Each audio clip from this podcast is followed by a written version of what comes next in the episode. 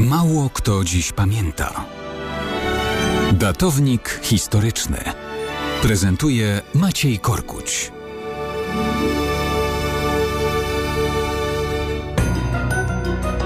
Mało kto dziś pamięta i trudno tego nadmiernie oczekiwać, że w listopadzie 1305 roku księciem Bretanii został Artur II, najstarszy syn księcia Jana II i wnuk władcy bretońskiego Jana I, zwanego Rudym. Artur panował zaledwie 7 lat. Imię swojego ojca i dziada nadał najstarszemu synowi z pierwszego małżeństwa, ale też jedynemu synowi z drugiego małżeństwa z wdową po królu Szkocji Aleksandrze III Jolantą. Historia musiała ich jakoś odróżnić, to też pierworodny Jan zapisany został w dziejach jako kolejny władca Brytanii Jan III o przydomku Dobry. Natomiast ten z drugiego małżeństwa funkcjonował jako Jan de Montfort. Jan III, delikatnie mówiąc, nie pałał miłością do przyrodniego rodzeństwa. Ani do Jana de Montfort, ani do kilku córek ojca z drugiego związku. Wręcz przeciwnie. Robił wszystko, żeby po jego zgonie uzyskać oficjalne anulowanie ojcowskiego ślubu, tak aby de Montfort, jak i jego siostry funkcjonowały jako owoce miłości pozamałżeńskiej.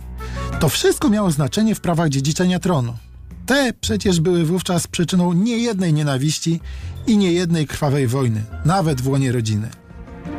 No wszystko byłoby jakoś do poukładania, gdyby nie pewien problem. Jan III najpierw jeszcze w wieku pacholęcym został ożeniony z Izabelą de Valois. Ta zmarła jako 17-letnia dziewczyna. Dzieci z tego związku nie było.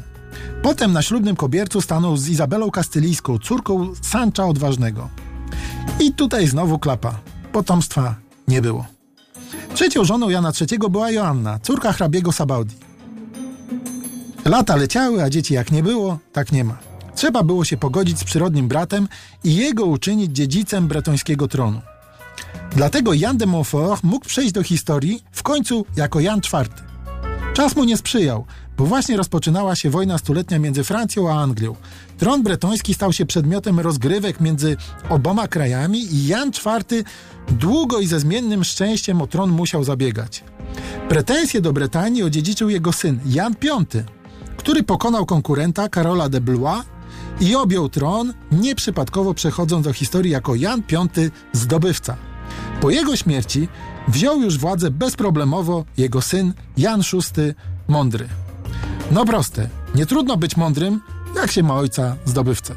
I tak przelecieliśmy 200 lat historii Brytanii z sześcioma Janami i tylko jednym księciem Arturem.